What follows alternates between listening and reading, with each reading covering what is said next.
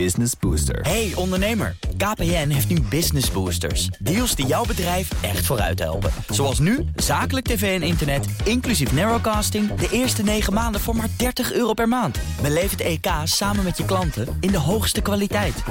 Kijk op kpn.com slash businessbooster. Business Booster. Houston, contact with a test one. Touchdown Hartelijk welkom bij Space Cowboys. Mijn naam is Herbert Blankenstein en ik begroet Arno Wielders. Goedemiddag. Hallo, leuk dat je er bent, man. Absoluut. En Thijs Roes. Hey, hoi. Hi. Eh, hoi, Hey. allemaal. Ja, en het is ehm, 22 november. Eh, vorige week is eh, Starship omhoog geschoten en uit elkaar geploft. Ja, is het alweer vorige Twee. week? Oh, ja. Vorige week. Zaterdag, hè? Zaterdag Wat- was wat het. Ja, ja, de ja. wat vliegt de tijd. Ja. En, en de raketten doen dat ook. Ehm, en eh, verder eh, gaan we, waar gaan we het nog meer over hebben? Wat heb, heb jij nog meer voor onderwerpen, Arno? Nou, er was over een paar weken geleden was er de Space Summit. ESA heeft daar een Space Summit gehouden in Sevilla. En daar zijn wel een aantal interessante dingen uitgekomen voor de komende vijf, zes jaar. Dus daar moeten we het heel even kort over hebben. Ja. Jij, Thijs. Eh, er is een leuke app waarbij je kan helpen om een, eh, een AI te, train, te trainen om eh, zwarte gaten beter te vinden. Maar Gaaf. dat leg ik dadelijk wel even uit. Ja, zeker. En ik heb een eh, boek ontdekt, en jij bleek het ook ontdekt te hebben, Arno. Eh, een sceptisch boek over Mars. Heerlijk. Ja, dus eh, Oh ja. dat gaan we zo direct met z'n tweeën recenseren. Heel sceptisch over Mars mede- zelf ook. Ja. Ja, precies. Maar goed, eh, Starship. eh, Thijs, jij bent onze Starship-deskundige. Je hebt aan de voet van... Oh, Dat, dat eh, vreesde ik dus al. Ja. ik zie allemaal mensen online die zoveel weten. Dat je, je hebt hem aangeraakt. Ik- dat is dan ongeveer het enige. Van, Omgeduwd. van dichtbij mogen Ja. aanschouwen. Ja. Ja. Ja. En, en met, we waren wel met een clubje mensen het ook aan het kijken bij iemand op kantoor. Eh, op groot scherm. Was het te gek. Live, de stream. Live. En het was eh, zo te gek, want die plaatjes, joh. Het was, eh, de zon kwam net op, hè? Ja. Dus het, wa het was qua fotogeniekheid. Ja, fotogenie- en je hebt een video gedeeld vol met eh, slow-mo's. Waarbij echt de, het puin ook om, weer om de oren vliegt. Oh ja, nou, eigenlijk vonken? was het een, een, een, een van de grote successen. Was Ja. dat, er geen, dit keer geen puinregen was. Hè? Nou dat ja, was toch wel... eh, Echt van die vonken die vlak langs de camera vlogen. Ja, in de dat wel. twee minuten al. Ja, dat wel, ja. Dus in de show notes, om daarmee 23. te beginnen, inderdaad, is een link van eh, Everyday Astronaut, die eh, eigenlijk de beste beelden eh, voor- achter elkaar heeft gezet. Waar je toch altijd wel weer nieuwe dingen ziet, zoals de hitteschildjes die ervan afvallen, of inderdaad dat er toch iets van projectielen. Ja, wat waren dat inderdaad? Een stuk metalen, vlammende zaken langs de camera schoten. Ja, Wat was dat? Eh, wat, wat, wat- hoe weet ik dat nou? ja, geen idee. Eh, dat, dat, kunnen, dat kunnen alleen maar van die hitteschildjes zijn geweest. Zoiets. Ja, dat kan. Dit is schildjes van wat? Van de, van Starship zelf, dus die er bovenop zit. Hè. Dat is Ja? de tweede trap. Ja, daar zijn er, als je de beelden ziet van ongeveer eh, een minuut na de lancering en je zoomt in op Starship, dan zie je dat echt wel ja, een fractie van het oppervlak van Starship wat bedekt zou nog moeten zijn met die hitteschilders, die zijn weg. Maar dat is, dat is ook te verwachten, omdat dat bindingsproces eh, op precies op bepaalde naden van de tank, die is nog niet helemaal 100% goed. Kan je dat, uitleggen? Want eigenlijk, eh, een- dat, dit is een van de grote open, open vragen nog. Dus wat weet jij van die tiles? Hoe zitten ze vast en hoe willen ze dat doen? Ja, dit- ik weet niet precies hoe ze vastzitten. hè. Dat, dat- Maar ongeveer, want je, weet, je lijkt meer te weten dan eh, wij. Die moeten, die moeten met een bepaald eh sub- eh, materiaal vastgezet zijn op Starship. Maar die dingen, dat zijn hele keramische en rare spullen is het, hè, dat, die hitteschilden. En dat is vrij moeilijk om dat te hechten aan de metalen oppervlak van eh, Starship. Dus daar zie je dat daar nog problemen mee zijn. En, en die problemen zijn bekend. Ja. Dat dat nog niet helemaal 100% is opgelost. Wat mij verbaast is dat er nog zoveel bleef zitten tijdens de lancering. Oké. En dat die omhoog ging en eh, zo lang. Eh, Als je, als je kijkt wat, wat ze binnen. Dit is, dit is pas de tweede testvlucht hè, die ze met een compleet nieuwe raket doen. En als je kijkt hoe ver die komt, ik sta echt met open ogen te kijken, joh. Mhm. Ja, de- de- ze, ze, na de eerste testlancering introduceren ze hot staging. Hè? Dus het feit dat je de, eer- de tweede trap al ontsteekt, terwijl die nog vastzit aan de eerste trap. Ja, Ja, was mooi om te zien, hè? Ja. Ja, ja. En dat werkt dan. ja, ja, het is wel, ja, Ja, dat, ja klopt. Ja. Ja, het werkt. Ja, ja. werkt al. Ja, Bizar. ja. ja. En, dat, en daarna exploderen zowel de, de eerste trap als de tweede trap. Hè? Don't get me wrong, tuurlijk. ja. Maar Waarschijnlijk vanwege het rondklotsen, vanwege dat hotstaging. Je zag eigenlijk meteen daarna dat de eh, allerlei mo- motoren meteen waren uitgevallen. Dat zou dus kunnen zijn omdat dus de klap zelf en alles wat erbij hoort van het hotstaging... eigenlijk eh, alle, alle buizen eigenlijk alle, eh, alle zuurstof en methaan zo heeft rondgeklotst dat ze het meteen niet meer deden. Dat was een beetje. Kijk, die, die, die eerste trap, die moet nadat hij is losgekoppeld van de tweede trap, moet hij gelijk een, een burn maken met een paar motoren om in de juiste stand te krijgen om weer terug te laten landen. Hm. En die, die tijd tussen dat hij vol, eh, volledig heeft aangestaan om hem omhoog te brengen, de tweede trap, en dat hij weer een, opnieuw moet opstarten, daarin is die brandstof gaan lopen, op plekken terechtkomen wat je niet helemaal wil. Dus dat proces moeten ze ook nog goed bekijken. En dat is waarom die eerste trap waarschijnlijk geëxplodeerd is. Ah, ja. En, Maar het feit dat dat hot staging. Ik, ik had verwacht, hè, je, je introduceert twee maanden voordat je deze test doet. En je, doet, je introduceert een compleet nieuw aspect van de lanceerder, hot staging. Ja, dat dat goed gaat, is voor mij verbazingwekkend. Ja, ja, ja. Het was, zou wel zo zijn geweest als je het over die hitteschildjes hebt, als ik je goed begrijp. Dat dan ook, stel dat Starship terug de, eh, de dampkring in moest, dat die gewoon opgebrand zou zijn. Ja, dat, dat hangt er vanaf. Dat Hm. hangt er vanaf. Ah, ja. hè? Want eh, eh, als er een heel groot deel eh, blijft zitten, misschien dat dan nog een groot deel zou kunnen landen. Maar dat die landing helemaal goed zou zijn gegaan, dat betwijfel ik. Daar ben ik met je eens. Ja, ja. Maar dat was wat ik begrepen heb van de doelstellingen van deze test. Was dat ook niet helemaal het doel. Hè?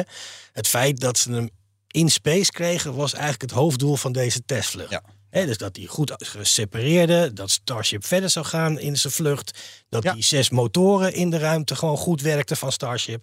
Ja, dat heeft het allemaal gedaan. Ja, het ging allemaal goed eigenlijk. Tot inderdaad het dan vlak daarna niet Ja. meer goed ging. Ja. Ja, maar eh, ik, ik hoor eigenlijk iets nieuws voor mij. eh, dat had ik even gemist. Ik dacht dat de boel ontplofte. Dat dat eh, eh, iemand was die op een knop drukte. Omdat het, eh, nou nu gaat het niet helemaal goed meer. Laten we de boel maar opladen. het is niet iemand, Dat- het is maar auto, is dus- automatisch. eh, Oké. ja. Dat, dat is met Starship gebeurd, wat ik begrepen heb. Niet met, niet met de booster zelf. Als je, de, als je naar de beelden kijkt, dan ja, ik, ik ben verre van expert, want ik was er ook niet dichtbij. Maar als je kijkt naar die booster, dan zie je dat die als het ware gewoon echt aan het falen is. Ja. In steeds grotere ontploffingen, om het zo maar te zeggen.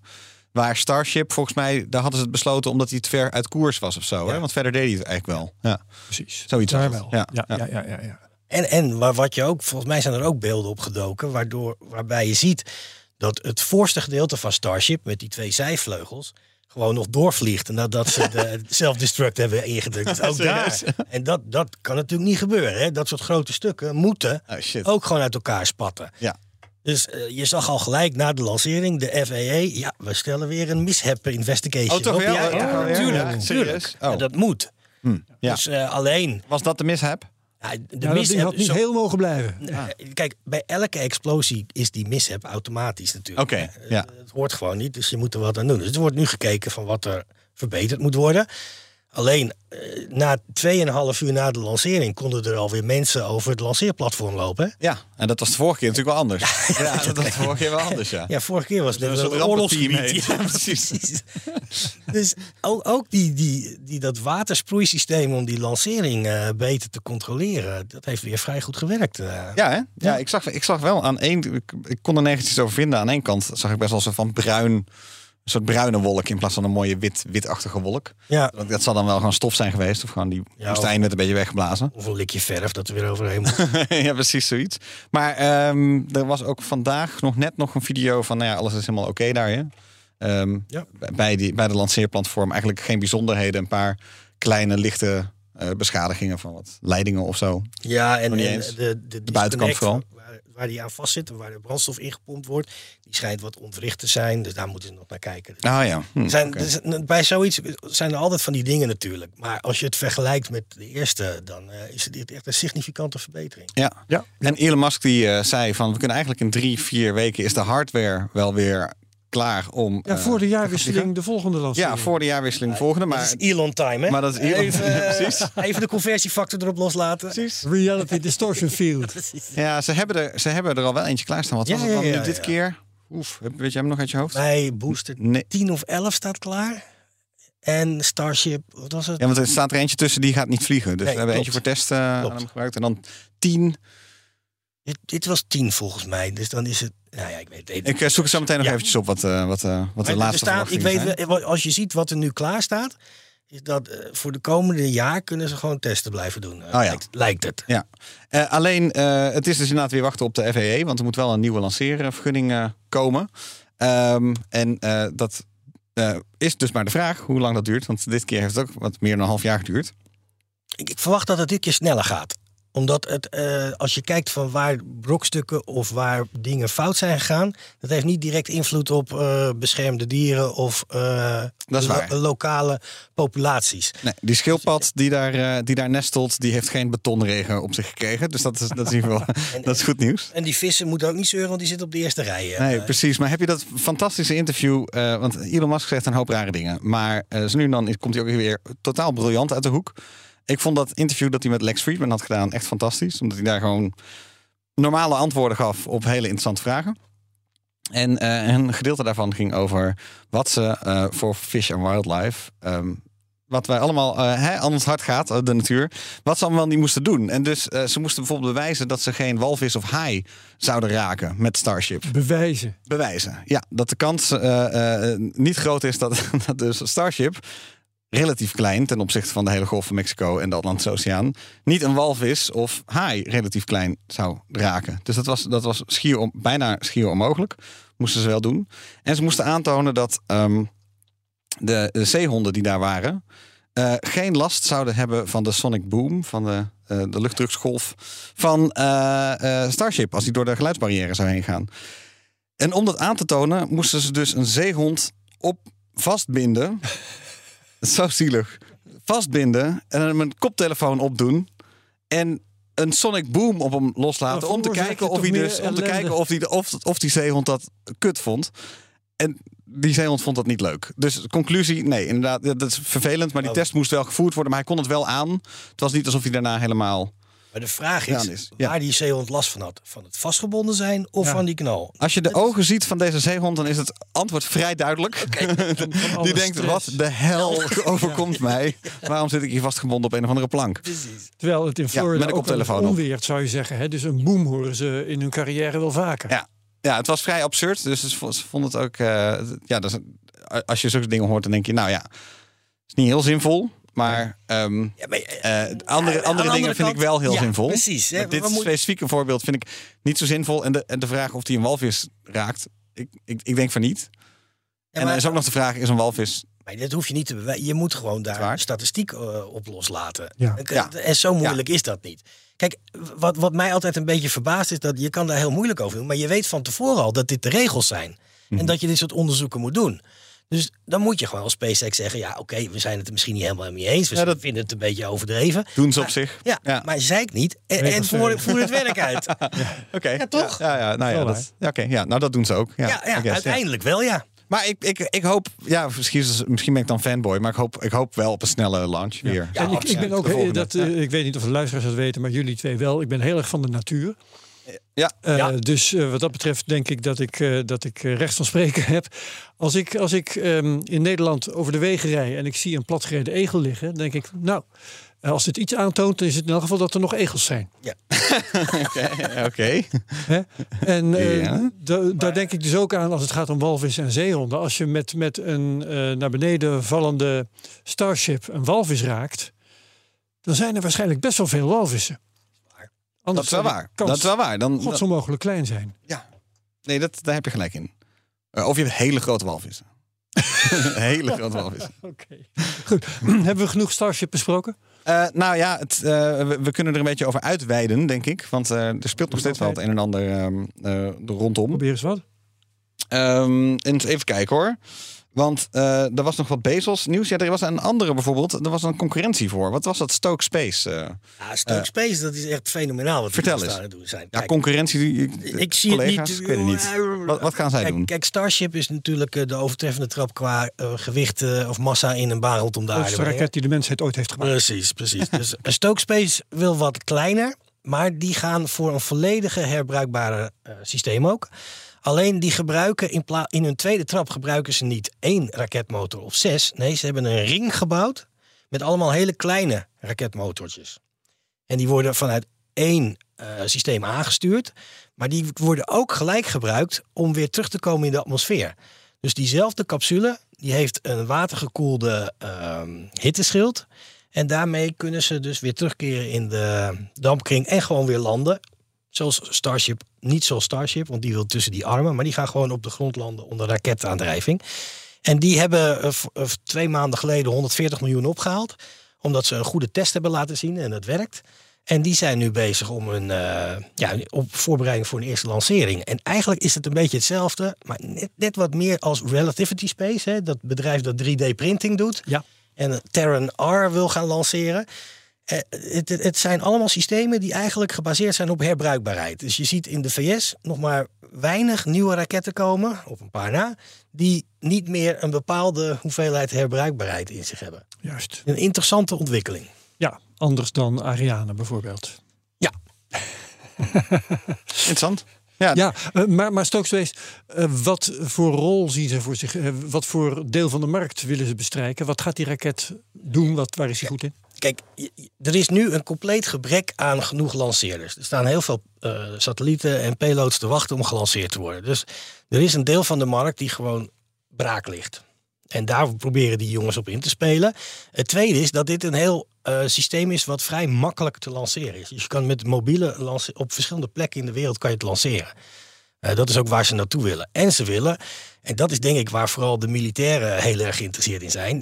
je sluit, je vraagt op maandag, ik wil graag een lancering hebben. En op vrijdag lanceer je. Hè, rapid launch, dat is waar ze Maar dan is een, een vrij klein systeem, denk ik. Dit is een relatief klein systeem. Dus dit is, Ja. ik denk dat volgens mij is iets voor 2000 kilo in een eh, la- Ah, ja. lage aardbaan. En zoiets. daarom kan het ook iets eenvoudiger. Want een, een van die zaken waar, eh, waar de SpaceX mee kampt, is dat hun raketten zo groot en krachtig zijn. Dat ze dus ook hele grote, krachtige lanceerplatformen nodig hebben. Ja. Dus ik kan me voorstellen dat dit wat, eh, Ja. Wat, Klopt. wat kleiner en wat Ja, makkelijker ja, is. flexibeler. Ja, flexibeler. Maar het is, het is weer een, een nieuwe variant op herbruikbaarheid. Hè? Dus Ja. die, die ring van eh, er kleine raketmotoren ziet er heel cool uit. Eh, de test die ze gedaan hebben ziet er ook in mijn ogen heel stabiel uit.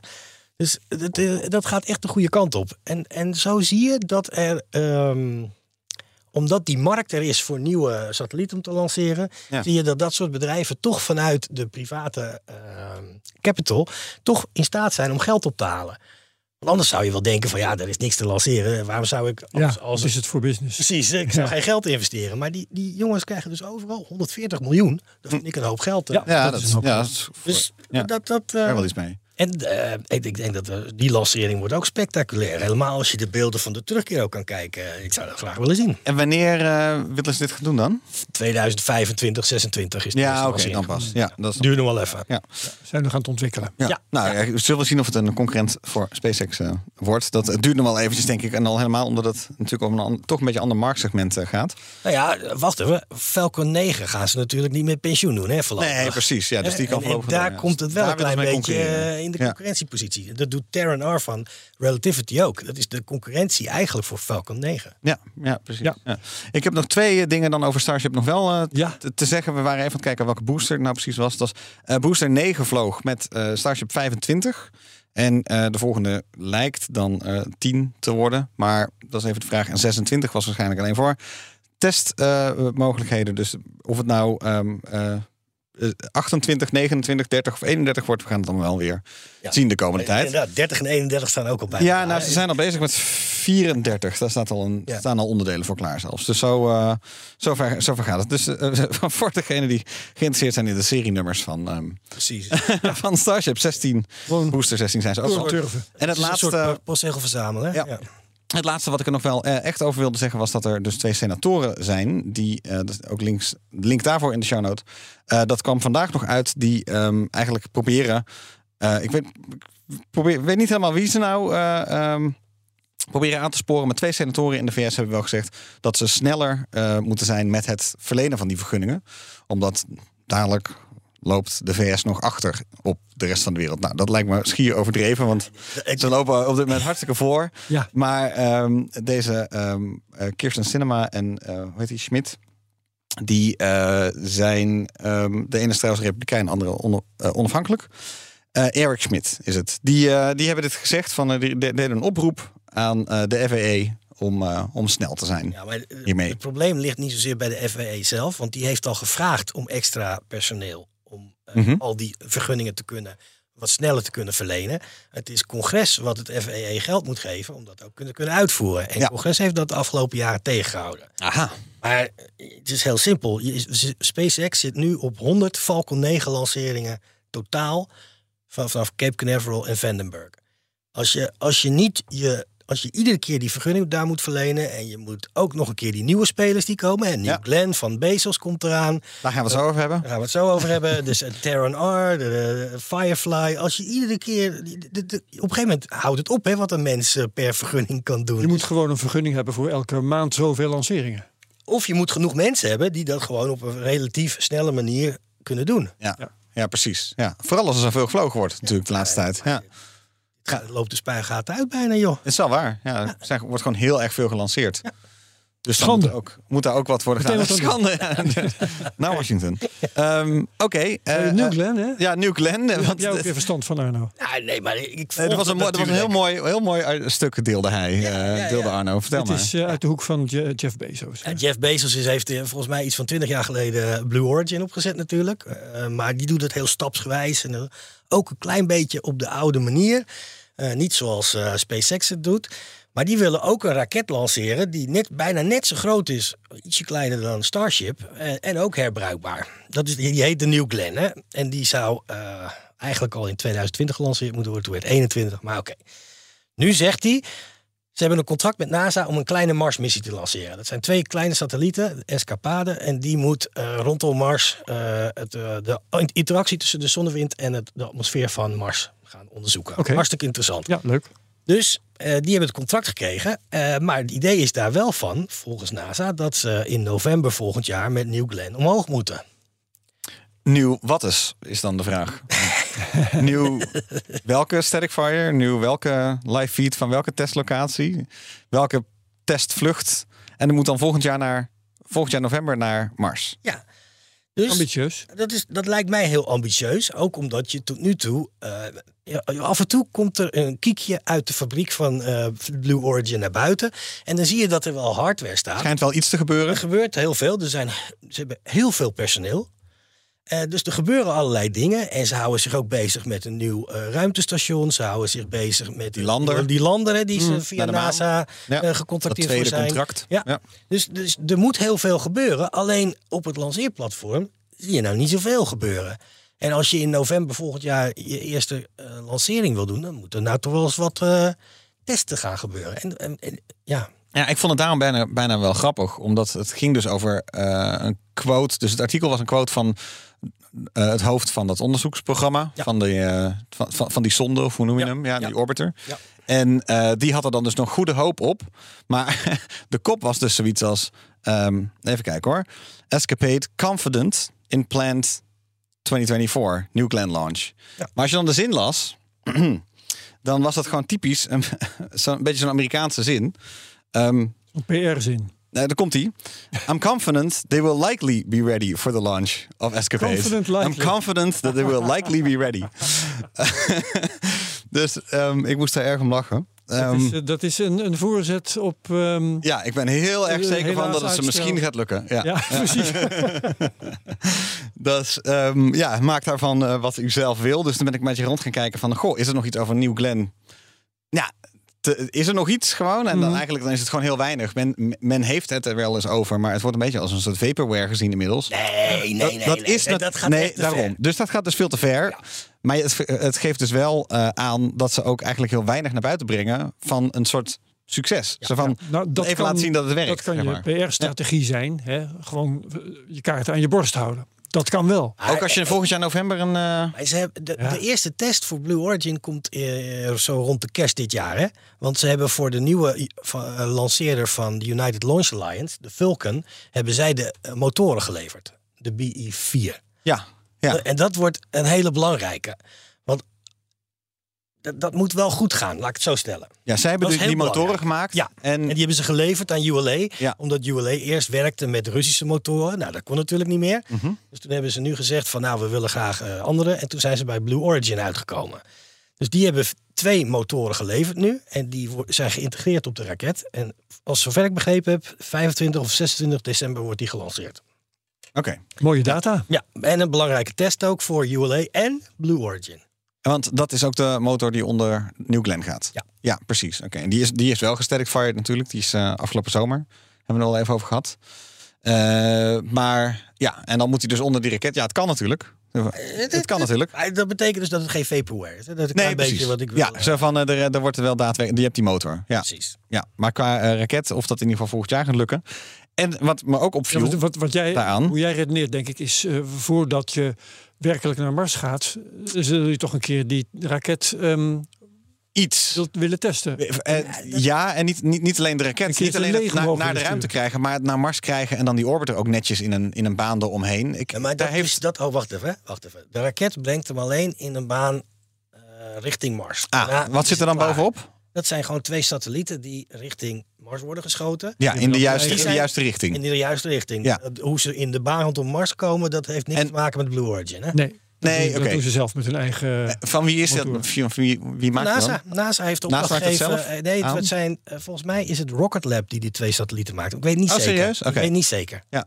Nee, het meer omdat ehm, eh, Blue Origin gewoon zo weinig ervaring heeft na, na, eh, met het vliegen van raketten, überhaupt. Ze hebben gewoon nog heel weinig eh, laten Dat zien. klopt, dat Ja. klopt. Dus dan is- gaat het mij niet zozeer om het misschien dus het eh, wel succesvol toch wel die raket krijgen. En een low Earth orbit of dingen in de buurt van de aarde.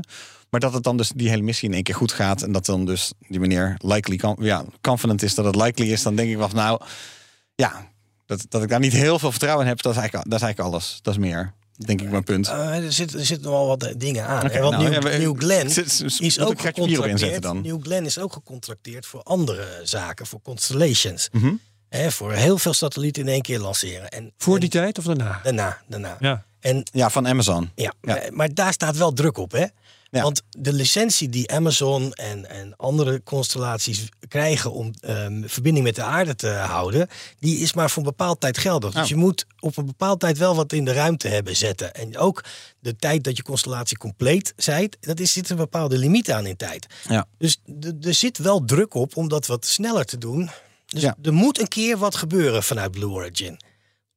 We wachten het rustig af, denk ik. Ja, maar dan zou je dus toch hè, van die, van die New Glenn zou je een testlancering verwachten voor kerst volgend jaar. Ik, ik, ik denk dat ze het risico gaan nemen om gewoon als eerste lancering eh, dit, eh, de payload op te zetten. Dat gaat, de- eh, ook op Vulcan, Oh hè? Ook op Vulcan, eh, de eerste lancering, zit al een payload op. Ja, maar wat meestal gebeurt voor zover ik weet, is dat je dan een payload neemt die niet al te veel kwaad kan. Nee, nee, nee, nee. Dit is, hier, volgens mij zit hier Peregrine op van Astrobotic. Uh-huh. Eh, en dat is gewoon een lander op, voor op de maan. Dus Zo, dat- dat is echt een risico. Ja. Nou ja, Eh, Waarom doen ze dat? Kun jij dat Ja. uitleggen? nou, ten eerste krijg je natuurlijk, betaal je niet de volledige prijs, neem ik aan. Dus er zal wel een flinke korting op zitten. En, en dat kan wel een bepaalde missie mogelijk maken of niet. Ja. Dus En een beetje haast soms. Dat men Nee, ik- niet wil wachten ik- tot ik- 2026. Kijk, ik ken de details natuurlijk Nee, niet, ik zit er niet in. Maar ik, ik, ik denk echt dat het te maken heeft met het feit dat je ehm, erop hoopt dat de lancering gewoon goed gaat. En dat je dus gewoon een korting in de prijs krijgt. Ik denk dat de prijs echt significant lager is als je de eerste keer meegaat. Hm, ja. Ja, dat is wel best. Mij eh, viel op dat, ehm, nou ik hoop dat ze gaan, want er zijn eigenlijk heel weinig Marsmissies volgend jaar. Er gaat altijd wel een klein plukje die kant op. Maar eigenlijk als je ze nu onder elkaar zet, dan eh, was er wel het een en ander aangekondigd. eh, maar dat eh, gaat niet door. Dus dat is nog in 2026 doorgeschoven. Er zijn nog wel wat oude quotes te vinden dat Starship eh, nu eh, misschien al die kant op zou gaan. Dat is niet zo. Eh, maar het, het, het wordt misschien wel eventjes rustig eh, op Mars voordat het druk wordt. Stilte voor de storm zou ik Ik, ik weet niet, willen zeggen. En deze is daar één van, hè? Die, weet je wat de Chinezen op dat vlak hebben? Want volgens mij is Chinese Mars en staat voor 2029. Ja, maar ik zag, ik kon niks vinden zo snel over 2024 dat er echt iets op, op Nee, volgens mij, ik, kan me ook niet... weet stond. Maar het, ehm, eh, het zou wel kunnen dat er gewoon nog dingen alsnog bedacht worden. Omdat het ook weer niet. ehm, er is niks, maar met, het zou. Er zijn een paar ideeën uit het verleden geweest die nog door kunnen gaan of zo. ja, maar, om, maar die moeten dan nog aangekondigd Ja, maar worden. dat, dat Dus ik denk niet dat het gebeurt. is wel heel erg kort dag. Daarom. Ja, Maar je, je ziet gewoon weer dat de maan in trek is. ja, Ja, precies. De maan heeft Ja, men gaat naar de maan. gemaakt? Ja, Ja. ja. maar goed, laten we nog even op Goedkoper. blijven. Want eh, we hebben nog een boek te bespreken. Ah, hè? ja. Dit is het Space Cowboys boekenhoekje. Want ik ontdekte via een recensie, eh, was in Ars Technica geloof ik, eh, het boek van Kelly en Zach Wienersmith. A City on Mars. Can we settle space? Should we settle space? Have we really thought this through? Het is een sceptisch boek over, eh, over ehm, reizen naar Mars. Is het allemaal wel nodig? Is het allemaal wel mogelijk? Is het wel, wel een goed idee? En ehm, dat. ehm, Geschreven vanuit jeugdig enthousiasme om een boek te schrijven, om die kant op te gaan. En toen een soort van, oh wacht, wacht eens even. Dat is, dat is wel, Ja. dat heb je waarschijnlijk ook uit die, uit die recensie overgehouden. Ja, die in ja, Ars precies, Technica ja. stond. Ze, ze wilden eigenlijk een boek schrijven van wat leuk, we gaan naar Mars. Maar we gaan het wel even allemaal goed uitzoeken. En het verhaal wil dus dat ze al uitzoekend erachter kwamen dat eh, heel veel dingen maar worden aangenomen.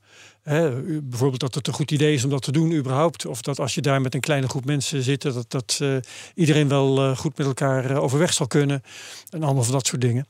En ze beschrijven dus hun eigen verbazing en teleurstelling. Toen bleek, juridisch klopt er van alles niet.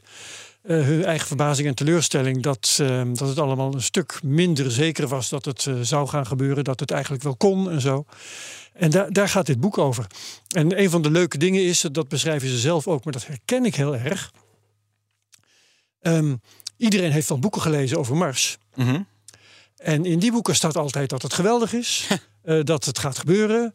eh, dat het goed gaat aflopen. Dat het ook allerlei nut heeft.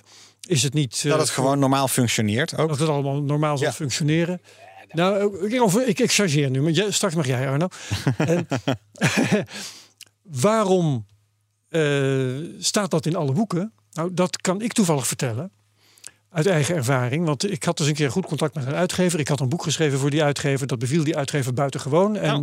die zei van, goh, moet je niet wat meer voor ons schrijven? Ik zeg, nou, ik wil eigenlijk wel eens een boek schrijven.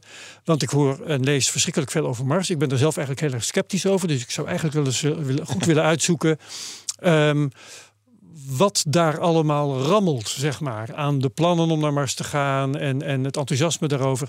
En toen eh, betrok die uitgever zijn gezicht en die zei van, nou ja, ik geef toch eigenlijk liever een boek uit waarin staat dat dat wel kan, want dat willen mensen veel liever hebben. Dat kopen ze, dat kopen ze eerder. Zo werkt dat met boeken over Mars. Plus natuurlijk dat bijna iedereen die verstand heeft van dit soort dingen, daar ook heel enthousiast over is. Dat heb je met eh, allerlei, allerlei dingen natuurlijk, maar met, met ruimtevaart in het bijzonder. Je gaat niet heel veel verstand hebben van ruimtevaart als je het allemaal maar dom vindt. Dus zo werkt dat. Ja, ja. Nou, ehm, Arno, ehm, vertel, want jij zit ook eh, te, op en neer te springen alsof je hier van alles over wil zeggen. Nee, Want jij ik- kent ik- het boek ook. Ik, ik ken het boek. Ik heb het Oh, ja? Het ligt thuis. Ik ben Oh. nog niet, en ik, zal, ik heb, ben nog niet begonnen. Hè? Oké, oké, maar wat, Ik wat, ik, ja, dit- maar wat ik het goede hier van deze goede boeken vind, is dat ik ben het helemaal met je eens dat alleen maar boeken met positiviteit, daar, daar, daar heb je niks aan. Daar leer je ook niks aan. Nee. Dit is als mensen, ik moet het nogmaals, ik moet het lezen, maar als ze goed onderzoek hebben gedaan en ze hebben allerlei gaten ontdekt die nog onderzocht moeten worden, dan gaat het alleen maar helpen om het uiteindelijk juist wel voor elkaar te brengen. Ja. Dus ik vind dit juist ja. heel positief. Ja, ja. Ja? En, en dat, maar dat er gaten zitten op juridisch vlak, maar dat, dat weten we al honderd jaar. Oké, eh, een kolonie zit, zet er niet op een andere planeet. Elon Daar Musk zijn- legt ons dat niet uit. Hè? Nee, natuurlijk niet. Maar, die, die, die- maar dat is, hij, hij heeft ook altijd gezegd: Ja, ik breng jullie naar Mars. Dat is wat hij heeft gezegd. oké, ja. Ik, ik ga geen stad voor jullie bouwen. Dat moeten jullie maar lekker zelf doen. Dus ik ben de transportbedrijf die jullie daar naartoe brengt. Hoe jullie het daar moeten doen en hoe alle juridische Hoe je zaken lekker zelf ja. doen. Ja, ja, ja. Dat is wel dus waar. maar Ja. dat, dat mensen het serieus hebben. En ik heb op Twitter al een aantal eh, discussies gezien tussen de auteurs en eh, van die ja, ja, pro oké. eh, En- ben ik nog niet. Ja, en, en dat gaat heel. ten eerste vond ik het heel beleefd naar elkaar toe. Dat was al heel mooi. Goed zo, ja. Nou, Dus dat is heel belangrijk. fijn, en je ziet dat er dat, dat aan beide kanten zie je dan dat er wel wat geleerd wordt. Hè? Dus diegene die heel positief is, die denkt van ah ja, nee, dat zijn goede punten, daar moeten we over nadenken. Aan de andere kant, kijk, het is heel moeilijk om iets te beschrijven en daar kritiek op te hebben, wat nog ja, niet je- bestaat. wat nog niet bestaat, precies. Dat is ook waar. En, en, en daarom denk ik van ja, ik heb het expres gekocht. Ik ben heel pro, dat weten jullie allemaal. Dat is heel simpel. Maar ik lees juist graag dat soort boeken, omdat dat je alleen maar scherper maakt. En je argumenten ook nog eens een keer heroverwegen. Want misschien is je initiële gedachte wel geweest van nou, we moeten het zo en zo doen. Maar als zij zeggen van nou, hier zit een kink en daar zit een kink. Nou, moeten we de boel helemaal overwegen. Prima. Perfect. Dus ik ga het graag lezen. Ik vind het echt, ik vond het echt een goed idee, dat boek. Ik heb het boek ook niet gelezen. Ik heb alleen de recensie erover eh, gelezen. Nou, dat is al iets. Ja, het, Het, het- die gaf een soort TLDR, stond er ook. Ehm, Ja. ik, ik, ik was het niet helemaal eens met het feit dat er alleen maar een halleluja-stemming zou, eh, zou zijn. Maar ik vond het ook, ik verwelkom Kijk, alleen maar. Ja, Weet dus je, het- eh, jij kunt wijzen naar mij, want ik, roep, ik roep hier al sinds Space Cowboys bestaat sceptische dingen. Dus het is niet alleen maar halleluja. nee, het is niet alleen maar halleluja. Nee, alleen maar, daarom. al ja. was het maar omdat ik besta, zei de gek. ja, precies. Maar nee, natuurlijk zijn er, zijn er meer sceptici. Ja. Maar over het algemeen... Ik vond, het wel, ik vond het heel constructief, omdat het ja. inderdaad bijna letterlijk over de constructie gaat zo nu en dan. Van ja, waar woon je dan eigenlijk? En is het daar wel fijn? En, eh, en hoe ziet dat eruit? Ja. Dat is, dat is En hebben we die tweede planeet wel nodig? Hè? Dat is dan het... eh, Nee, maar, maar, Kijk, maar, het, dat- ging, dat het gaat over veel. Ik denk, dat, ik denk dat die eigenlijk. Want het- ik vond het, het eh, de recensie dat ook wel goed samenvatten eigenlijk. Ja. Ehm, het gaat er natuurlijk om dat het. We willen graag de ruimte in, zodat we problemen op aarde beter kunnen oplossen en meer over onszelf leren. Het, het, het is niet zo dat alsof die tweede planeet. Dat wordt wel vaak een beetje verkocht, ook door Elon Musk zo. Van we hebben een planeet 2 nodig. Maar de lessen, de, de, de manieren waarop onze evolutie verandert, gewoon.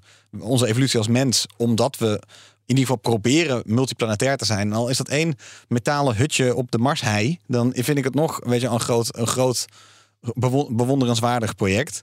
En een miljoenenstad, dat zijn een beetje de grote visies waarmee je mensen überhaupt de eerste keer enthousiast krijgt. Maar als je er goed over nadenkt, dan de, de ontdekkingsreizen, en daar werd ook nog aan naar verwezen, dat heeft honderden jaren geduurd. En heel vaak, weet je wel, schipbreuk, dood, allemaal dood en nooit meer iets van teruggehoord. Precies. Dus, en dat gaat hier ook mee gebeuren. En misschien nou, nog wel veel meer. ja, ja, ja. ja. En, en dat er een boek uitkomt van, hey, heb je hier al aan gedacht? Heb je hier al aan gedacht? Ik denk nog honderd van zulke boeken kunnen uitkomen en moeten uitkomen, zodat we inderdaad ons er een voorstelling van kunnen maken. Maar het is niet, het, het, het, eh, er is niet alleen maar een halleluja stemming. En aan de andere kant denk ik van, nou ja, ik hoop dat het mensen eigenlijk motiveert om inderdaad ook een start-up te beginnen in ruimte wonen. Ik denk dat die, dat daar, die zijn er al trouwens, gewoon eh, ruimtearchitectuur.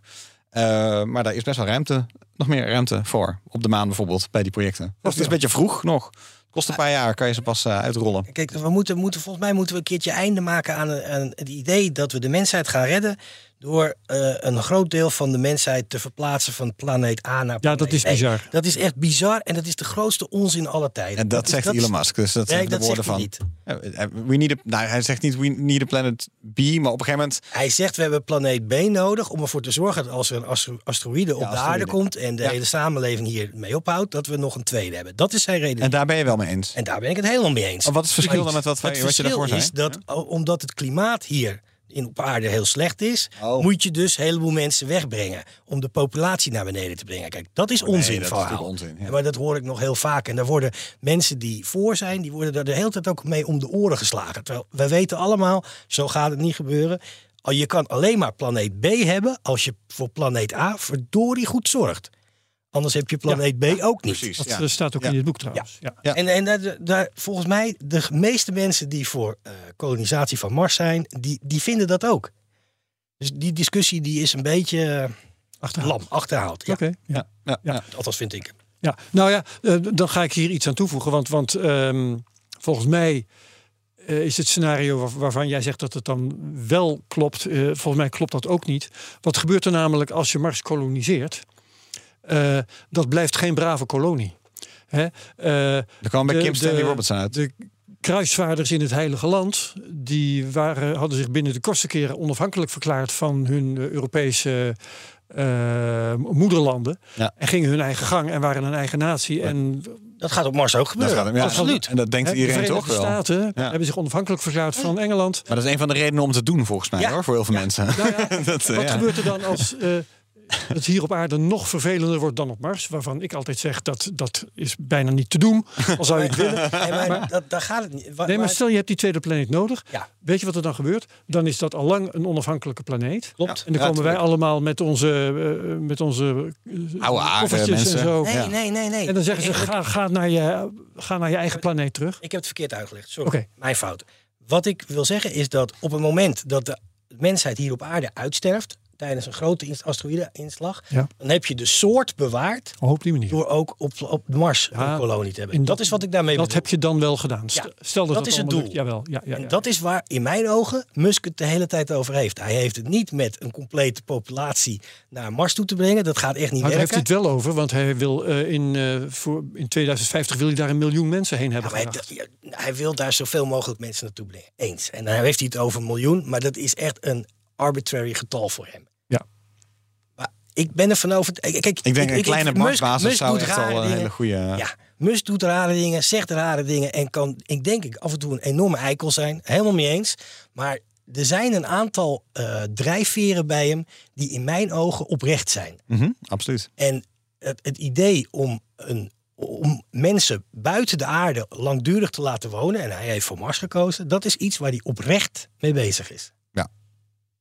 Oké. Daar zijn we het sowieso eens, Oké. denk ik. Ja, Goed. Dat vind ik al heel wat. ja daar zijn we het sowieso eens. Ja, nee, En verder, lees dat boek. Ja, Ja. absoluut. Ja, mooi. Maar dat het een onafhankelijke natie eh, wordt, een onafhankelijke planeet, onafhankelijke planeet, dat is volgens mij Met dat is- dat is wrijvingen evident. dat is vanaf dag eh, één zo. Ja, daar, gaan- daar zijn vele science fiction boeken over geschreven precies, natuurlijk. zodra eh, een groep mensen weg is Ja. eh, van de controle van Houston of Mission Control, of hoe je het ook wil noemen. Maar het worden allemaal robots en de AI neemt het daarover. Dan krijg je gewoon AI-planeet tegen de aarde. En dan, dat is een mooi Ja, boek. maar je, je, ziet Dat het, je, je ziet het zelf al in het verleden met meer. Dat er tijdens bepaalde missies.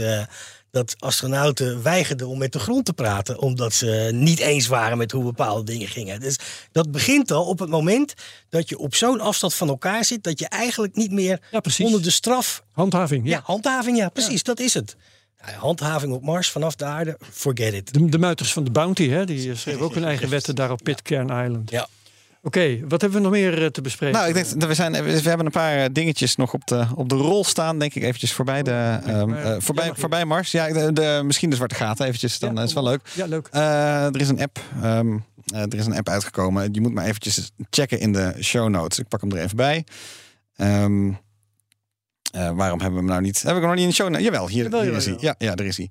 Ehm, de Black Hole Finder heet hij. Er is namelijk een Nederlands zwarte gaten consortium. Dat is een van die nieuwe consortia die eh, is opgericht. Waarbij eh, eh, vele wetenschappers samenwerken om, om zo'n kennisinstituut te runnen.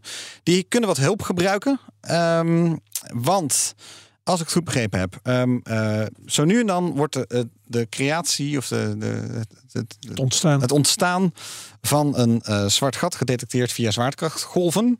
En op, dat, op zo'n moment willen eh, deze astronomen eigenlijk heel graag zoveel mogelijk telescopen richten op de plek waar dat dan vandaan komt. Ja.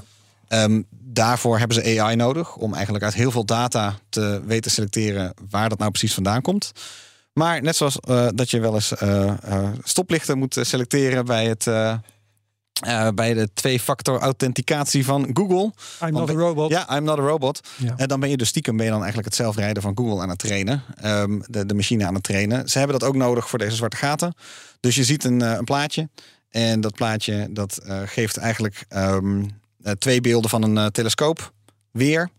Eh, op het ene moment een foto van een object en een ander moment een foto van een object. En zo nu dan komt daar een lichtstraal doorheen, een satelliet doorheen, een vliegtuig doorheen, een van de gekke flitsstraal komt erop. En dat algoritme kan nog niet goed echte objecten van die soort van glitches onderscheiden. Artefacten. Artefacten, of ja. echt, ja, ja. Dus we moeten even met z'n allen meehelpen eh, om eh, dat eh, algoritme te trainen, om die artefacten te kunnen ontdekken. Ja, en ik dacht eerst dat het een soort SETI at home was. Hè? Dat je ehm, Ja, wat is SETI at home? Ja, data ging verwerken. Dacht ik, en mijn accu Dat is het een beetje. Maar je moet zelf kijken. Hè? Nee, Je dus je kijkt gewoon. Je, er zit een klein. De app is allemaal niet super gebruikersvriendelijk en zo. Maar er zit een tutorial. Gewoon nog vrij ingewikkeld. Omdat je echt eventjes moet snappen van. Oh ja, dit is gewoon een artefact. Ja. En dus. ehm, eh, eh, ik, ik heb hem een tijdje lopen trainen. De enkele tientallen foto's heb ik al, eh, Maar ze, ge- gedaan. ze geven ook eh, in, in de handleiding geven ze een aantal voorbeelden. Ze geven een aantal voorbeelden. Die ik ook dus nog wel ingewikkeld vond. Omdat het moet wel een rond stipje zijn van maar een paar pixels. Mag geen donut zijn of zo. Ehm, maar ook dat vond ik een beetje, beetje lastig. Dus ik denk dat ze nog kunnen werken aan, eh, aan, de, aan de nog beter uitleggen wat nou wel en niet eh, eh, werkt. Ja. En ik dacht ook, dit vond ik een tip die ik sowieso over AI de laatste tijd vaak hoor, is dat er eh, bij het trainen van zulke soort ehm, eh, machine learning moet je ook niet alleen maar naar een algemene groep kijken van mensen die trainen, maar ook naar een soort van je, je top 1% van trainers die heel goed zijn in het eh, detecteren ervan, zodat je die wat extra gewicht meegeeft. Want vooral als allemaal leken via onze podcast nu meetrainen, is dat super behulpzaam. Ik, ik vond het zelf persoonlijk als leek dus ingewikkeld. Dus had het gevoel dat een derde van mijn schattingen gewoon niet kloppen. Dus ik denk dat. En er, ze hebben een hele Maar- leuke hitparade van mensen die, er, die het heel veel doen. Dus ik hoop ook heel goed in zijn. Dus nou nog een keertje dubbel Precies, en gaat natuurlijk ook niet over één nacht ijs hè, bij eh, die club. Eh, ze laten elk eh, stel, want het zijn telkens drie foto's, hè? Ja. Ervoor, erna en het verschil daarvan. Ja. Daar moet je zelf naar kijken. Nou, en elk, elk drietal laten ze denk ik wel door tien mensen bekijken. Ja. En dan gaan ze kijken, nou ja, meeste stemmen gelden. Waar, waar is Ja, iedereen en- het over eens? Waar is het 50-50? Ja, en, en de, de, de tip die ik recent dus hoorde, zijn, en waar, is de, waar zijn je, je, je top 1% per experts het over eens? Dat Om die de er- om beste die mensen, Ja, tuurlijk, wie zijn, ja, om de beste mensen, om ook, die ook mee te nemen, want daarmee kan je dus veel, makkelijk- interessant. veel makkelijker en sneller je... Lijkt me ook heel interessant om dat, te, kunnen, om dat te, te organiseren. Hoe Ja. regel je dit zo met een groep vrijwilligers dat je eruit haalt wat erin zit? Ja, precies. Eh dus een leuke app. eh, staat eh, in de show notes. Kom, ga mee die... eh, zo. ja, twee, neutronen, twee, twee neutronensterren die op elkaar, eh, die elkaar smelten, die vormen een zwart gat. En dat wordt gedetecteerd. Ik vond het echt erg prachtig. Weer. Ai. Nou, dan heb ik een komeet voor jullie. Oh. Ja, Ja, we gaan weer het hele universum door. Leuk. Altijd al Van de willen hebben. aarde naar de maan, naar Mars. en dat is de komeet gaten naar.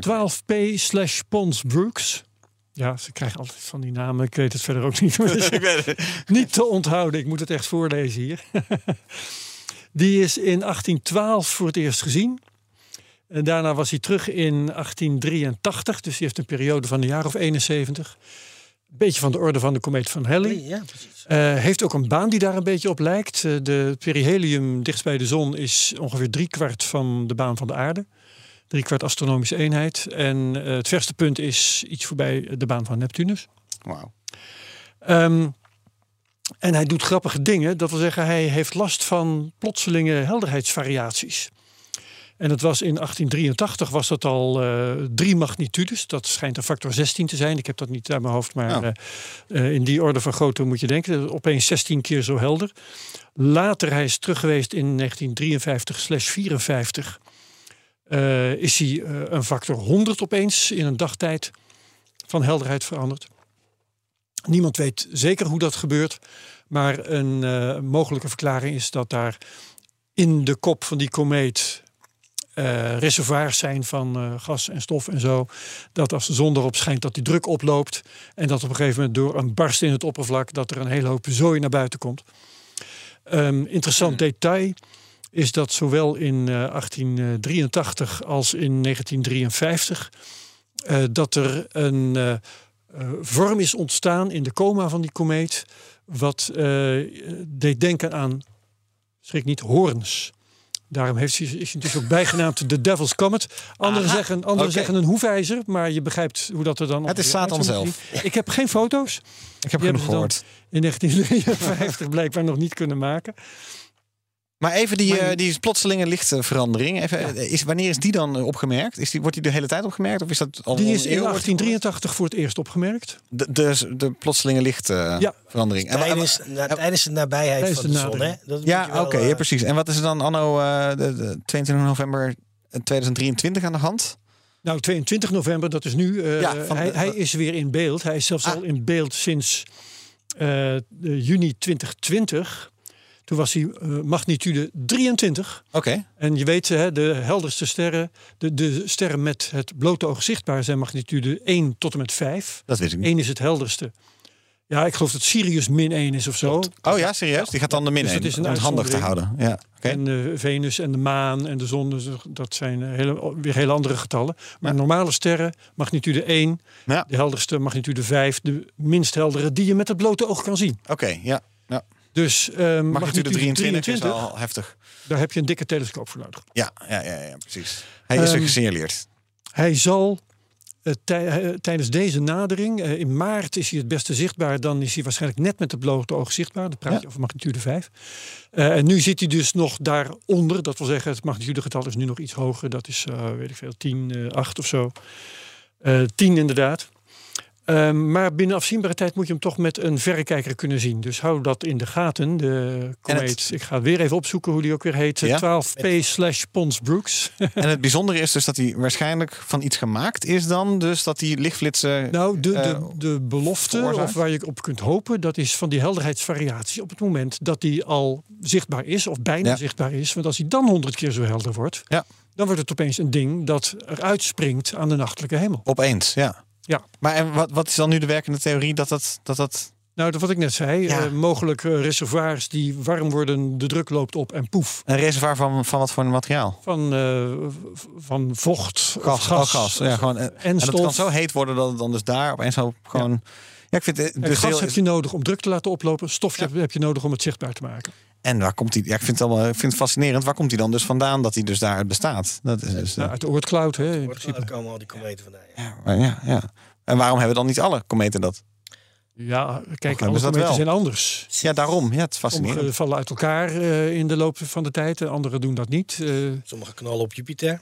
Ja, ja, en sommige flitsen naarmate ze dichterbij Ja. komen. Nou, maar dit was een leuk verhaal, omdat ja, het Ja, is een, eh, het is een bijzonder ding. eh, Ja. in verschillende opzichten. En eh, ik zat een knetterend vuurwerk. met een leuk, eh, met een leuk eh, geschiedenis. Staat er in het artikel ook of ze een bepaalde waarneemcampagne rond maart gaan doen? Dat er misschien wat satellieten in de aardbaan ook ernaar gaan kijken. Eh, daar heb ik niks over gezien in dit stuk eh, op space.com, waarnaar we linken in de show notes. Eh, maar hij wordt dus wel al duidelijk in de gaten gehouden. Want ze hebben hem dus eh, sinds 2020 hebben ze hem al in de peiling. Ja. En eh, hij wordt wel degelijk gevolgd, maar ik denk gewoon met telescopen vanaf de grond. Ja, die telescopen zijn nu wel stukken beter dan wat we in 1950 hadden. Ja, natuurlijk. Verwacht Ja. een hoop eh, Ja. extra nieuwe info. Ja, Cool. ja, Ja, ja, ja. cool. Ja. En, en al, ik denk als er een reden voor is dat ze misschien ook nog wel een ruimtetelescoopje eh, even vrijmaken. Eventjes, maar daar erop, heb ik dus geen aanwijzingen voor in de documentatie. Mag natuurlijk niet te helder zijn, maar... Ja. Dan, ehm, er zijn ook grenzen. Ja. ik weet niet hoe we in tijd zitten, maar... eh, We hebben nog wel tien minuutjes. Oh, oké. Oh, dat valt nog wel mee. Eh, dan, eh, nee, ik dacht, dan gaan we weer terug- van de Oorcloud terug naar eh, Europa. Ehm, De ESA Space Summit. Ja. Nou ja, Arno die had daar wat over te Ja, precies, vertellen. Dus de, eh, de, de di- director-general, Jozef Asbacher, had georganiseerd een groot evenement in Sevilla in Spanje. En waar eh, ESA natuurlijk een beetje naar aan het kijken is van eh, hoe moeten we nou de komende 10, 15 jaar eh, on- ons gaan positioneren in de wereld van de ruimtevaart. Hè? Dat is een belangrijk eh, heet hangijzer. Ook binnen de EU is dat belangrijk. Fijn dat er over gesproken wordt.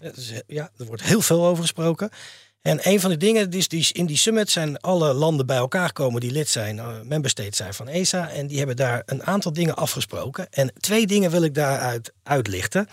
En één is dat er komt een nieuw programma vanuit ESA voor commercial vracht naar of het ISS of toekomstige ruimtestations. Dus dat kan je een klein beetje vergelijken met wat NASA heeft gedaan met eh, het COTS-programma. Hè, om, waaruit uiteindelijk Dragon van SpaceX Het COT-programma. ja, COTS. eh dat Staat mij eigenlijk niet zo staat bij. voor Commercial eh, Cargo Program. Ik, precies de afkorting weet ik ook niet, maar dat boeit niet.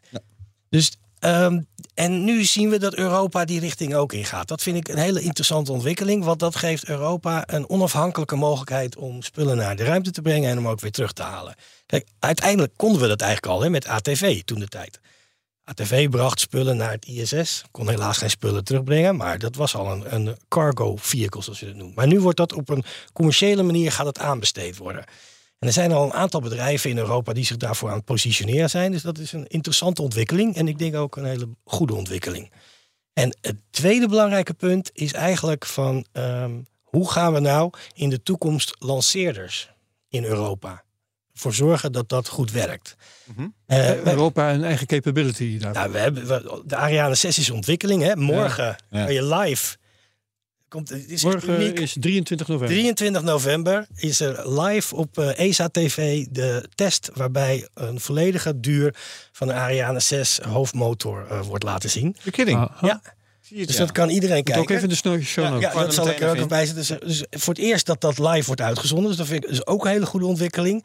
En, eh, maar we zijn, ze zijn ook al aan het kijken van hoe moeten we nou de, de, de, het aankopen van lanceerders in de toekomst gaan doen. En je ziet nu dat er een ontwikkeling gaande is waarbij ESA misschien niet meer heel erg eh, de bepalende factor wordt. Maar misschien ook meer zoals het in de VS gebeurd is met de ontwikkeling van Falcon 9 en met Antares van Northrop Grumman.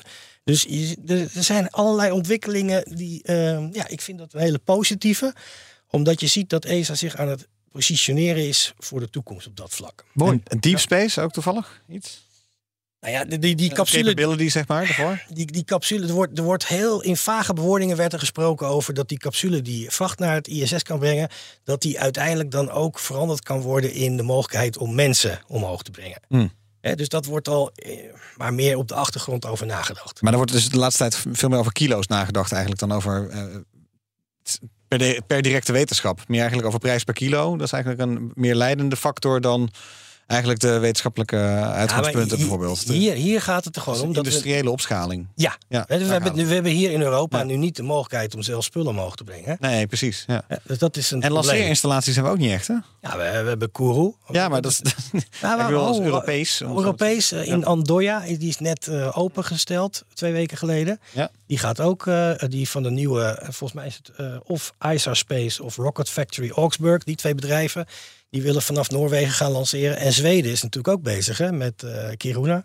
Dat wordt ook een orbital launch eh, station. Dus er- zijn best wel een hoop ontwikkelingen gaande in Europa die wijzen dat we ook weer dat we een belangrijke rol willen gaan spelen. Ja. Op het Maar Kourou meer, voor- meer ligt in Zuid-Amerika.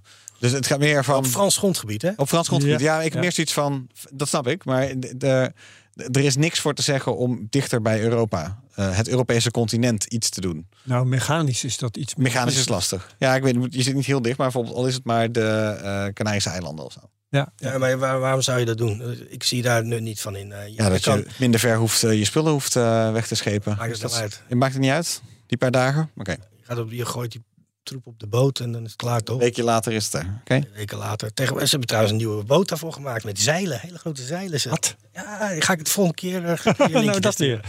Ja. Dus, dus ik, wat ik, wat Oh. ik eh, eruit distilleerde. Ja, wat ik eruit distilleerde was eh, best wel ja, positief eh, ontwikkelingen. En dat er ook gekeken wordt van hoe we de komende tien jaar op dat vlak moeten gaan staan. Dus ik vond dat. eh, en, in, en in duidelijke samenwerking met de Europese Unie, wat ook belangrijk is. Ja, Ja. oké, mooi. Nou, heel goed. Ehm, Hadden we nog meer? volgens mij zijn we er redelijk doorheen eigenlijk hoor. Maar eh, houden jullie ook een klein beetje bij eh, al die lanceringen naar de maan eh, die er nu aan het eh, aankomen? Nou, er zijn er ontzettend veel hier Zo. al besproken. Oh, jullie Nou allemaal- nee, maar als je even een we samenvatting ze wil geven, allemaal besproken hebben, dat betwijfel Nee. ik. Vandaar Ja, dat, het maar dus ook staat er iets- dat lukt mij, lukt mij niet. Want Staat eh, er, staat er iets op het punt te gebeuren dan? Want we hebben de laatste tijd veel erover gehad. Nou over ja, natuurlijk wat er komende jaren gebeurt. Maar Volgens mij Peregrine staat te gebeuren op 25, 26 december hè, met Vulcan. Volgens mij is dat die. En dan in januari moet er eentje van Intuitive Machines omhoog gaan. Dus, eh, en er zijn nog twee, drie die allemaal plannen hebben. ja, en dan komt op een gegeven moment ook nog de derde vlucht. de- gewoon de derde Artemis eh, komt er natuurlijk Ja. eraan. Of ben ik, ben, ben ik in de war? En Is dat, is dat aan. volgend jaar? Ja, Artemis. Even kijken. Nee, die is nog gepland. Artemis 2 komt er nog aan. Ehm, om een of andere reden staat die startdate november 2024. Ja, dat duurt nog een jaar. Ja. Ja. Nee, oké. Nee. Eh, wat- Maar dus wat- andere dingen aan Ja, de maan. en, en wat ik daar, wat ik wilde melden daarvan is, dat was vanmiddag een klein persbericht over eh, een bedrijf dat ook een eh, rover aan het bouwen is voor de maan. En die had eigenlijk al een groot deel van zijn payload verkocht aan derde partijen. En dat, dat verbaasde me een klein beetje, want je, we hebben heel vaak wel over gehad over hoe, wat voor business kan je nou eigenlijk doen. En wat, Ja. wat is er op de maan te doen? En blijkbaar zien een hele hoop mensen dat dus toch. De business op de maan. Ja, Ja, en daar bepaalde komen, ja. experimenten uit te voeren, daar informatie uit te halen. Ja. En, en, en dat toch En- op een bepaalde manier in de nabije toekomst te kunnen commercialiseren. Omdat de kosten zo omlaag zijn gekomen. Dat is toch een beetje. Wellicht, ja. Voor, voorheen had je gewoon, dus in de jaren 60 had je negen jaar van, van, van het beste van het beste nodig. Dat heb je nu nog steeds nodig. Maar dat is natuurlijk, ja, En wereld omdat er ook heeft veel meer capaciteit is. Want naarmate Veel er meer. meer dingetjes daar op die maan staan, ja, kun je ook meer verzinnen. Ja. En is er meer inderdaad eh, beschikbaar ja, iets dat nu nog een beetje. goede ideeën. Ja, al is maar voor de test of voor om het uit te proberen. Ja, maar weet je ook Ja. wat dat dan voor bedrijven zijn die die eh, Ja, er is, er is een bedrijf. hebben gekocht in dit geval? Ja, er is dus een bedrijf dat heet Interstellar Pots. En die wil gaan kijken hoe eh, bepaalde planten groeien op de maan. Ja, ja. Die hebben No een- shit. Ja, dus die Ja, dat hebben een ik, soort ehm, eh, klein eh Maar dat potje ontwikkeld. in, in, in een mini-laboratorium. Ja, Niet ja, daar op het maanstof. Ja, maar die willen ze dan op het maanoppervlak gaan zetten en dan kijken wat er gebeurt. Oké. Ja. En dan heb je het dus heel koud en er is weinig zwaartekracht. En dat zijn dan de bijzondere Straling, eh ja, vreemde lichtomstandigheden. Ja, dus eh, Ja, ja, ja. ik weet dat, dat wat mij daarin dus positief verbaast, is dat die bedrijven dat financieel voor elkaar lijken te krijgen. ja. Ja, en, zelf blijkbaar ook resultaten denken te krijgen die zij weer kunnen verkopen of Precies. gebruiken of Precies. wat dan ook. Of daarmee hun business verder. Ja, ik, ik- weet het niet. ja, maar, ja. ja. Ja, spannend wel. Het viel me op aan, dat, eh, aan, aan, aan die recensie waar we het eerder over hadden, over dat, dat Marsboek. Daar stond ergens ook een zin in over dat inderdaad de maan waardeloos zou zijn. Of dat mensen erachter zijn gekomen. Ja, ja. dat de maan waardeloos te zijn. En toen dacht ik echt, ja, dat vind ik echt bij voorbaat echt nu, nu al heel veel te klein gedacht. Want, want gewoon, bij- en dit, Klinkt misschien overdreven, maar je zou alleen op de kunstzinnige waarde al een maanlanding kunnen betalen tegenwoordig. Dus je stel je zou met. Een beetje wel. Kunst is gewoon heel veel waard. Dus stel er zijn een paar bepaalde objecten geweest die bijvoorbeeld heel beroemd op een foto staan, of weet ik wat allemaal, foto's daarvan. Ja, De, de, de, het tv-programma daarover, al die dingen bij elkaar opgeteld. maar je bedoelt dan echt een bemande vlucht. Nou, nee, ik heb dus het idee dat het gewoon simpelweg op dit moment met gewoon eh, installaties die je op de maan. Ik, ik misschien is dit een slecht voorbeeld, omdat kunst eigenlijk over het algemeen het minst oplevert. Ja. Het artikel had het heel specifiek over het minen van de maan. En ik dacht, nou, ja. inderdaad, als ik planten hoor, als ik denk wetenschappelijk onderzoek hoor, als ik denk kunst maken. Dan kan je gewoon, al is het films opnemen of weet ik wat allemaal, dan is de, ma- de maan echt wel meer waard dan dat artikel zei, namelijk worthless. Eh, het, dat artikel zei, de moon is, we found out the, the moon is worthless. En dan denk ik, nee, we zijn er juist wel achter gekomen steeds meer dat als, Dat is gechargeerd. ja, als we erheen kunnen, dat er eigenlijk heel veel mogelijkheden zijn om vette dingen te doen. Ja. Ja, Maar goed, als je, eh, je- kunt een, een, een eh, poppetje kneden van maanstof, bij wijze van spreken, en zeggen dat is kunst. Als je dat Ja. de eerste keer hebt gedaan, dan is dat veel waard. Ja. Maar de tiende alweer een stuk minder. ja precies. Nee, dan, ja, precies. Maar je moet dus inderdaad, nou, dat is het mooie van kunst, dan moet je vernieuwen. Ja. Ik denk dat je het eerste klassieke concert in de ruimte vanaf de maan en zo, weet je, je kan zoveel doen. Dan heb je het niet goed genoeg vernieuwd. Foto's. Als het geen geld opbrengt, dan doe je het niet goed. Ja. Dat- is het ook niet een klein beetje zo dat je nooit weet of het veel geld waard is of niet? En dat het altijd maar op het moment blijkt ja. wanneer er vraag voor is. Op dit moment is NASA natuurlijk alles in handen, omdat ehm, alles wat NASA maakt is, is in publiek, eh, publieke domein. Hè? Maar eh, ja, voor, je kan zeggen dat iedereen die op dit moment op de maan heeft rondgelopen, was ja, toch eerst een astronaut en daarna pas fotograaf. Terwijl als je bijvoorbeeld, ja, ik geloof er genoeg in dat als je een echte fotograaf of echte kunstenaars naar de maan toestuurt, je gewoon andere dingen krijgt. Ja, Dan wanneer je natuurlijk gewoon de gemiddelde mijn engineer mijn, eh, stelling is, en daarom maakte ik dat, eh, ver- verzon ik dat voorbeeld van dat poppetje. het is makkelijk zolang het nieuw is. Ja. En ik vind dat de vergelijking opgaat met Antarctica, met Siberië, met de, de zeebodem en, en dat soort streken op aarde, de, Sahara. Ehm, daar, daar is het nieuwtje vanaf. We weten wel hoe dat er nu uitziet. en daar hebben we geen eh, duurzame, eh, uitgebreide menselijke vestiging. Ja, in Siberië is wel hier en daar een dorp, Nee. maar niet op Antarctica, niet op de zeebodem enzovoort. Op Antarctica hebben we een Ja, er, er is, permanent iets en er, er is een, onder, en er is een onderzee-industrie. Ja. maar, ja, maar daar is geen economie. Eh, Er is een economie, hij is alleen marginaal. Nee, ja, precies. Ja, dus, dat, dus ik, Daar ik heb niet, ja, ik heb niet te snel. ik heb ik, een, een, een basis op de maan met eh, wat wetenschappers die daar vrijwel permanent zitten of überhaupt zo nu en dan zitten, is een krankzinnig grote stap ten opzichte van waar we nu zitten. Zeker. Dus ik hoef niet direct een soort van miljoenenstad te zien of allemaal mijnbouw. Ik denk altijd van, nou, ik denk elk, dus eigenlijk het punt meer van, ja, er valt volgens mij zoveel te doen waar we als mensen zoveel van leren. Dat, eh, ja, voor mij mogen die vluchten inmiddels naar de maan eh, wel gaan. Absoluut. Zullen ook zeker gaan. We laten het hierbij. Ja, ik denk Dankjewel, dat, eh, Thijs Roes. ja, dankjewel Herbert Blankstein. die hier aan het woord was. Dankjewel Arno Wilders. Dankjewel. Dankjewel luisteraars. Ik hoop dat het leuk werd gevonden. Ja, anders hadden jullie het niet tot hier volgehouden. En volg ons op eh, Space Cowboys Pod. Op een paar van jullie favoriete of minder favoriete. op eh, Sociale media. dat. Ja, nou, inderdaad. En ook op, inderdaad, op Mastodon, op eh, Blue Sky, op LinkedIn. eh noem ze allemaal. denk ja, niet dat daar zitten we allemaal. Eh, bedankt. en graag tot over twee weken bij de volgende Space Cowboys. Dag allemaal.